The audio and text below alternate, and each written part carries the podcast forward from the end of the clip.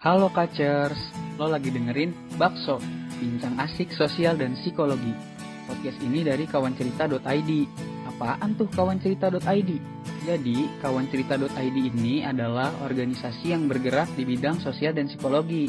Nah, makanya di Bakso ini kita bakal bahas tentang sosial dan psikologi nih. Kalau lo suka sama podcast ini, lo bisa follow Spotify kita dan subscribe YouTube kita. Konten kawancerita.id ini bukan cuma podcast loh, ada apa aja. Penasaran kan? Makanya langsung follow aja Instagram kita di @kawancerita.id. Oh iya, buat lo yang mau curhat ataupun cerita, kita juga ada loh konseling sebaya. Langsung aja add line add kita. Nah, Kacers, hari ini kita udah masuk ke episode 2 loh. Gimana nih sama episode pertama? Asik kan? Nah, episode kedua juga gak kalah asik kok karena gue mau ngomongin tentang self healing nih. Belakangan ini kasus COVID-19 kan naik lagi tuh. Apalagi di beberapa daerah diberlakukannya PPKM. Nah pasti bentuk emosi yang campur aduk dikeluarkan dari hati dan juga pikiran. Mungkin menimbulkan perasaan sedih, lelah, maupun jenuh. Namun, kita dituntut untuk tetap bertahan loh di situasi seperti ini. Karena kondisi ketika lelah dan juga stres akan membuat sistem imunitas menjadi melemah. Dan sebaliknya, ketika bahagia, sistem imunitas akan meningkat. Nah, untuk mempertahankan imunitas dan terhindar dari stres, self healing adalah salah satu solusi dalam menimbulkan energi positif dan membantu menyeimbangkan emosi loh. Dan karena keterbatasan pada masa pandemi ini, seperti adanya physical distancing, self healing juga dapat menjadi alternatif peningkatan kesehatan mental yang efektif. Nah, tidak hanya saat kondisi pandemi saja loh, Kacers. Pemanfaatan self-healing itu dapat dilakukan sebagai proses pemulihan yang umumnya terjadi akibat gangguan psikologis, trauma, dan semacamnya. Karena adanya luka batin yang disebabkan oleh diri sendiri, kondisi, atau orang lain. Jadi, yuk dengerin podcast kita sampai akhir ya. Assalamualaikum warahmatullahi wabarakatuh. Hai hai kacers. Nah kembali lagi nih di podcast episode kedua dari Bakso Bincang asik, sosial, dan psikologi. Gimana nih untuk episode satunya? Seru kan? Seru dong pastinya. Nah untuk episode yang kedua kali ini kita bakal ngomong yang lebih seru lagi. Tapi kali ini aku gak sendirian loh. Ada Putri nih yang nemenin aku. Hai Put. Halo Za Apa kabarnya nih? Kabar baik, Alhamdulillah. Om sendiri gimana kabar? Alhamdulillah, kabar baik juga sih. Mau dong Put kenalin diri dulu sama teman-teman kacers nih. Oke, halo teman-teman kacers. Kenalin, nama aku Putri. Aku salah satu mahasiswa psikologi angkatan 2018 dari Universitas Diponegoro. Uh, Oke, dari Undip ya. Berarti teman-teman Undip udah sering dong ngelihat Putri ini pada saat offline ya. Oke, untuk uh, kegiatannya uh, gimana nih Put? Kan udah diberlakukannya ppkm di eh, di daerah kamu tuh udah ppkm gak sih put Iya nih, udah di Jawa Bali kan kebetulan udah PPKM. Kegiatannya udah mulai kayak dijaga ketat banget gitu sih, udah mulai banyak jalan yang ditutup juga. Terus uh, sekarang kan karena banyak yang kena COVID, terus akhirnya uh, kalau di daerah aku tuh ada yang namanya tradisi Jogotongo. Mungkin teman-teman di sini yang daerah Jawa juga udah familiar ya sama Jogotongo. Tahu nggak kamu Jogotongo itu apa? Nggak tahu apaan tuh. Jadi Jogotongo itu kayak misal kalau misalnya ada yang lagi isoman atau yang kena COVID, kita dari tetangga-tetangga tuh ngasih kayak uh, apa ya ibaratnya tuh kayak makanan gitu loh nanti ditaruhnya oh. di depan rumah gitu. Wah, namanya Jogotongo kalau di sini. Mantep sih, keren banget berarti kekeluargaannya terasa banget ya di sana ya. Iya kerasa banget sih jujur jadi kayak apa ya nggak kan kita kadang takut ngerasa sendirian atau takut malah gak diterima kan sama yeah, yeah, bener, bener, kita gitu. Oke okay. untuk oh di sana gimana Diza? Kalau di sini ya dibilang ppkm nggak ada sih kalau di sini dari lockdown juga kemarin hmm. tuh nggak ada nggak sempet ada tapi lebih ditingkatkan lagi keamanannya kayak malam ada batasan untuk kita keluar malam hmm. cuman nggak ada ppkm itu aja sih bedanya untuk kegiatan sekarang apa nih put di pandemi gini nih Kalau aku pribadi kegiatannya lagi sibuk KKN aja sih ini. Oh. Jadi aku minta doanya nih buat teman-teman kacer semoga KKN kelancar ya. Iya. Mari kita doain dong si eh, si Putri supaya kakaknya lancar. Amin ya Put. Amin. Amin. Nah, pasti teman-teman kacer sudah pada tahu dong hari ini kita ngebahas apaan. Karena tadi aku juga udah sempat ngasih tahu. Nah, kita bakal ngomongin tentang self healing nih teman-teman. Nah, di sini aku mau minta pendapat eh, Putri dulu dong. Menurut kamu tuh eh, self healing apaan sih, Put? Oke, kalau uh, sebenarnya topik self healing tuh menarik menarik banget sih menurut aku karena uh, self healing itu nggak cuma dilakuin sekali seumur hidup gitu loh, Za. Jadi selama kita hidup, selama kita terus berproses setiap harinya, self healing tuh terus dilakuin. Jadi menurut aku ini topik yang seru banget. Kalau ditanya tentang apa arti self healing sendiri, uh, mungkin secara mudah aja kali ya bahasanya. Self healing tuh kayak proses untuk menyembuhkan diri dari luka batin yang kita miliki. Nah, luka batin itu biasanya kebentuk karena rasa sakit kita di masa lalu gitu loh. Jadi kan kadang kita ada rasa kayak hmm, mungkin dulu pernah ngalamin trauma atau mungkin dulu pernah ngerasa di apa ya disakiti hatinya yang kayak gitu kayak gitu. Cuman uh, masih banyak banget nih orang yang berpikir kalau self healing tuh kayak nggak penting gitu loh. Kayak apaan sih self healing kayak gitu kan. Nah, mereka selalu berpikir kalau waktu itu yang bisa menyembuhkan kita. Padahal kenyataannya uh, waktu tuh bukan bukan waktu yang nyembuhin kita, tapi diri kita sendiri gitu loh. Makanya uh, kadang beda-beda gitu loh, kayak apa ya namanya? Kadang ada orang yang pulihnya lebih cepat, kadang ada orang yang pulihnya lebih lambat gitu kan. Hmm. Karena emang sebenarnya bukan waktu yang nyembuhin luka, tapi diri kita sendiri. Hmm. Gitu. Oke, berarti kalau misalnya nih di pandemi ini kan kita jarang ketemu orang, terus kan ada aja nih eh, stigma-stigma negatif yang keluar dari ini kita kan pikiran kita itu juga bisa diselesaikan dengan self healing nggak sih? Mm, bisa banget. Jadi self healing tuh metode paling mudah banget sih menurut aku untuk untuk kita lakuin di masa-masa kayak gini. Dan apa ya caranya tuh praktis gitu loh, nggak harus ngeluarin duit, nggak nggak harus ngeluarin banyak tenaga gitu. Simpel banget dan uh, bisa dilakuin tiap hari juga. Hmm, iya, iya. Bisa dilakuin sendiri juga ya kan, Put? Hmm. Mm-mm, bisa banget. Bahkan mungkin kalau misalnya Reza nih, ka di masa-masa kayak gini kan pasti banyak banget ya berita kanan kiri yang isinya tuh kabar duka doang isinya kan. Nah iya Nah tuh. itu bisa banget setiap pagi sebelum mulai hari gitu kan, eh sisihin aja waktu 15 sampai 20 menit buat eh nenangin diri, buat tarik pernafasan, buat ngomong aja sama diri sendiri gitu loh untuk ngeyakinin kalau hari-harinya tuh bakal berjalan lebih lebih apa ya? Lebih mudah gitu loh, lebih mudah untuk dijalanin hari-harinya. Iya sih, bener. Nah, kan udah pengenalan nih untuk self healingnya. Sebenarnya Putri pernah nggak sih ngelakuin self healing itu sendiri? Boleh dong ceritain pengalamannya itu gimana sama teman-teman kacers nih? Oke, kalau misalnya aku sendiri aku aku kadang kalau misalnya ngelakuin self healing tuh aku selalu ngelakuin setiap hari sih Za sebenarnya. Bukan pas bukan pas lagi ngerasa kayak apa ya? Kayak ada luka berat yang luka Hmm. batin yang terlalu berat gitu aku baru ngelakuin self healing enggak. Jadi em, sebenarnya untuk ngelakuin self healing itu oh ya sebelumnya mungkin aku perlu ini kali ya perlu kasih eh, perlu kasih apa ya penget, bukan pengetahuan sih perlu kasih bedain gitu loh mana self healing mana yang namanya self distraction Boleh, jadi boleh. kadang kita ngerasa kalau misalnya self healing itu kayak beda tipis gitu loh sama self distraction padahal tuh sebenarnya beda. Kalau self distraction itu kayak misal contohnya gini hari ini hari-hariku tuh nggak berjalan baik gitu loh.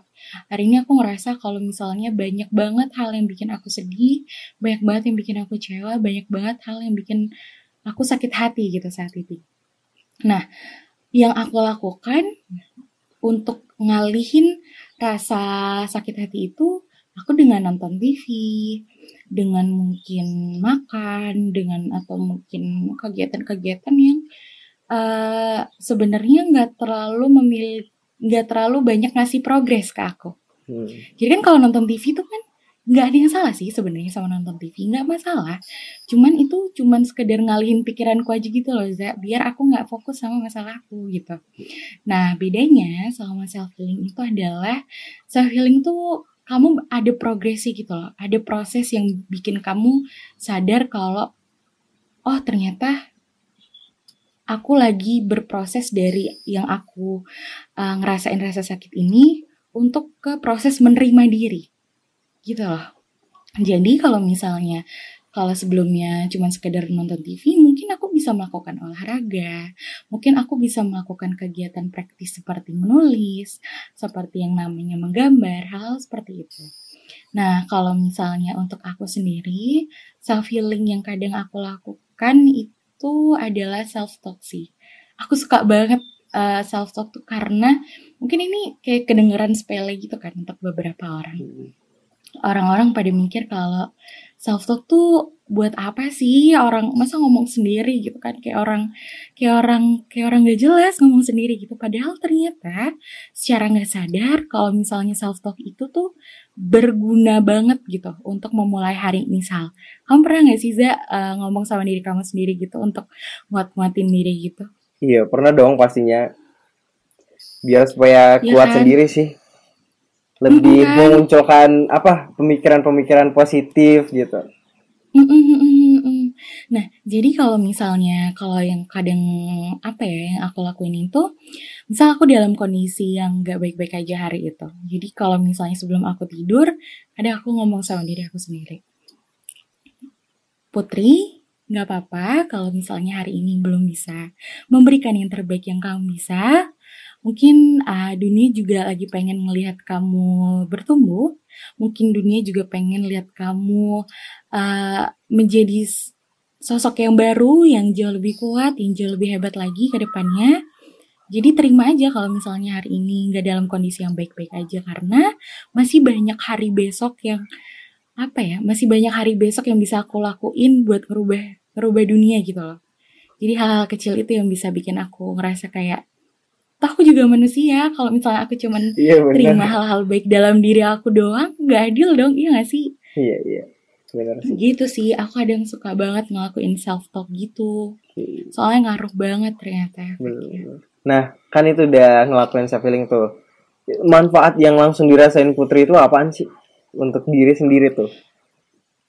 Hmm kalau manfaatnya ya, hmm sebenarnya banyak banget sih manfaat yang aku rasain kalau misalnya aku lagi ngalamin self healing gitu karena uh, kalau sebenarnya hal yang bener-bener aku rasain adalah aku bisa nerima diri aku secara utuh gitu loh Za.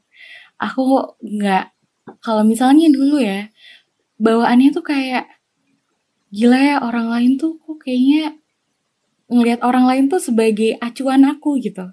Padahal kalau misalnya kalau misalnya tanpa kita sadari sebenarnya ketika kita lahir di dunia ini aja aku udah bawa peta aku sendiri gitu dan kamu pun udah bawa peta kamu sendiri kan pasti. Aku sama Reza juga pasti memiliki peta yang berbeda gitu.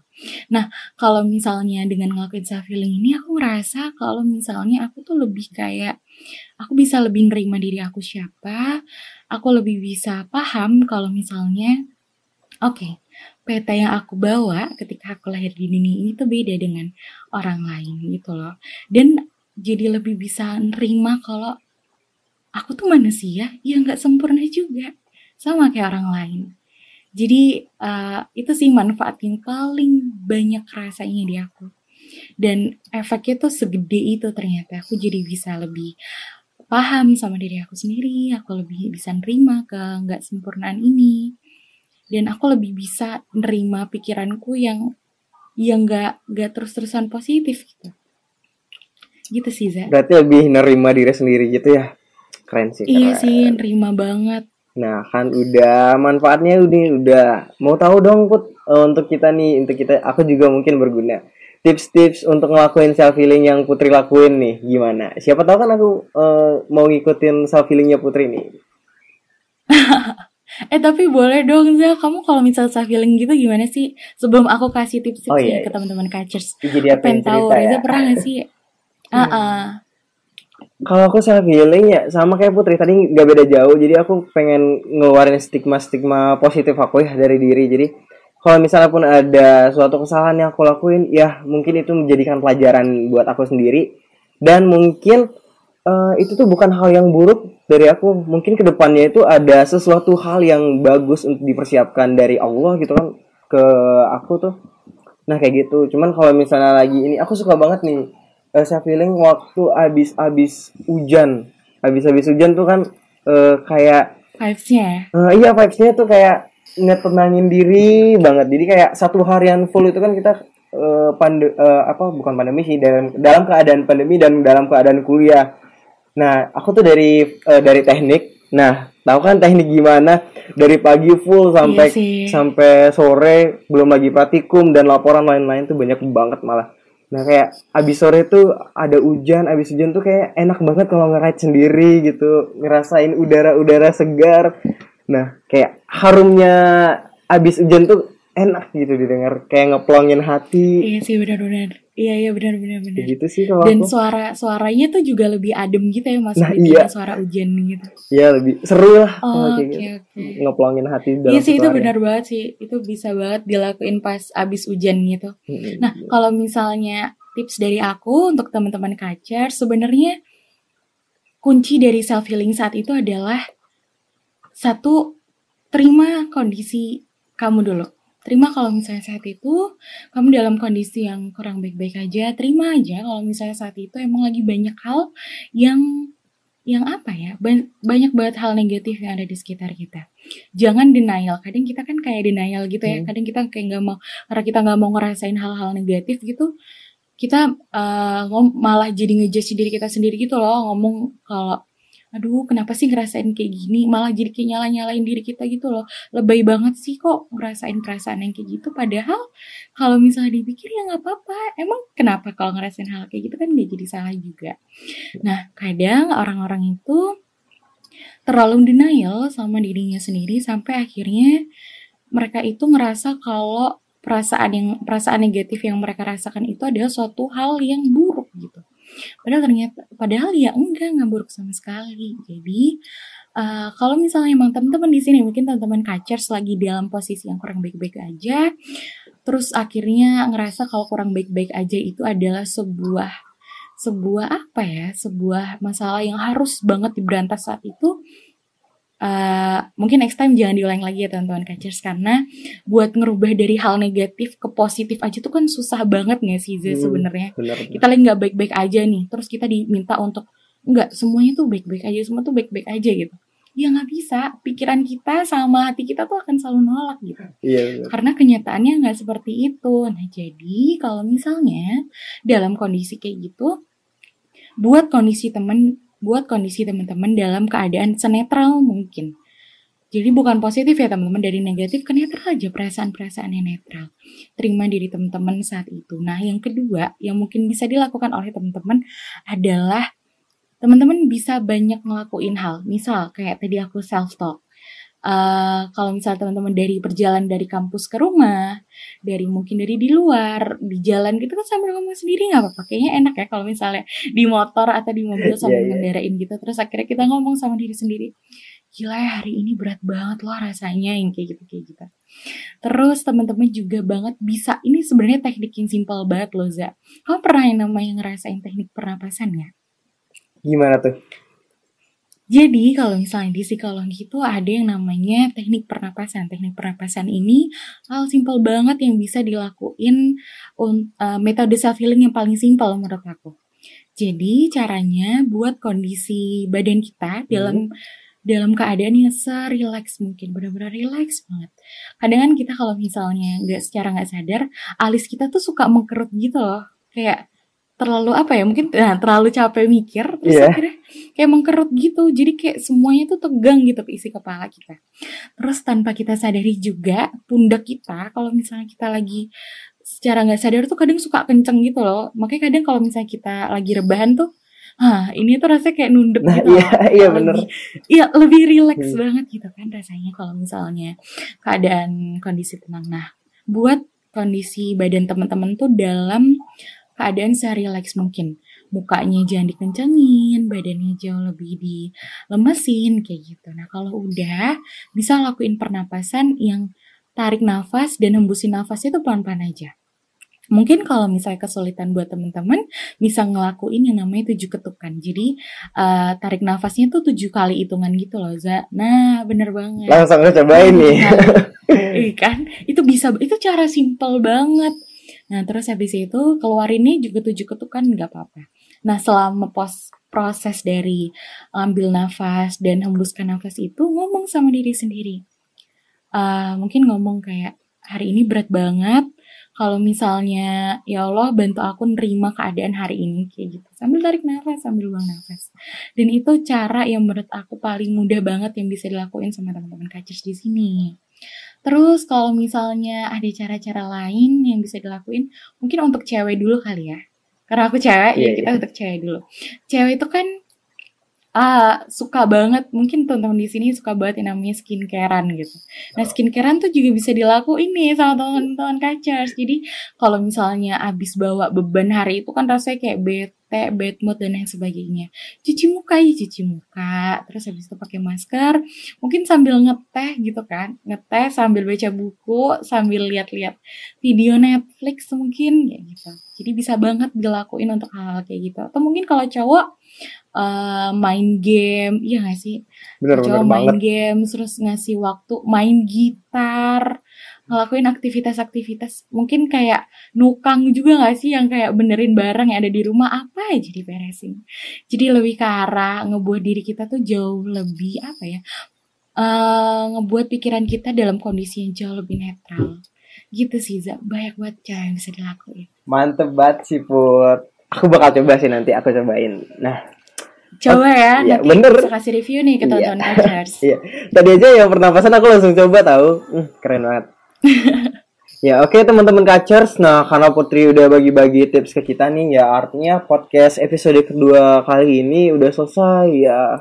Sayang banget. Ya, bentar juga ya ternyata. Bentar juga ya. Tapi jangan sedih karena kita tet- akan tetap update podcast setiap minggunya kok. Bakal bahas yang lebih menarik lagi. Nah maka jangan biar supaya nggak ketinggalan nih. Pantengin langsung dan follow aja Instagram kita di @kawancerita.id dan jangan lupa juga untuk follow Spotify dan juga subscribe YouTube kita ya. Nah oh iya. Sebelum kita tutup, aku mau ngucapin makasih banget nih buat Putri yang udah mau nemenin podcast Bakso episode Makasih kedua. juga. Iya. Makasih ya Put, thank you. Semoga Thank sehat you. selalu, keluarga di sana sehat selalu, dan semoga keadaan pandemi ini Amin, cepat amin, berlalu. amin, Amin. amin. Nah, Amin. sek- Keluarga Reza juga deh. Sama Iya. teman-teman Kacers kali ya. Iya teman-teman Jaga juga kesehatan ya. teman-teman. Iya bener banget. Nah sekian dari Reja dan Putri. Assalamualaikum warahmatullahi wabarakatuh. Warahmatullahi wabarakatuh. Dadah kacers. Dadah. Have a great day.